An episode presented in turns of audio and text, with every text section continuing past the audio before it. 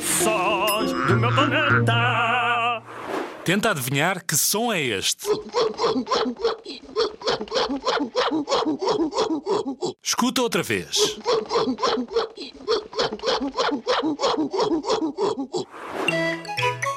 Será o som de um gorila, de alguém com soluços ou um carro muito antigo a trabalhar?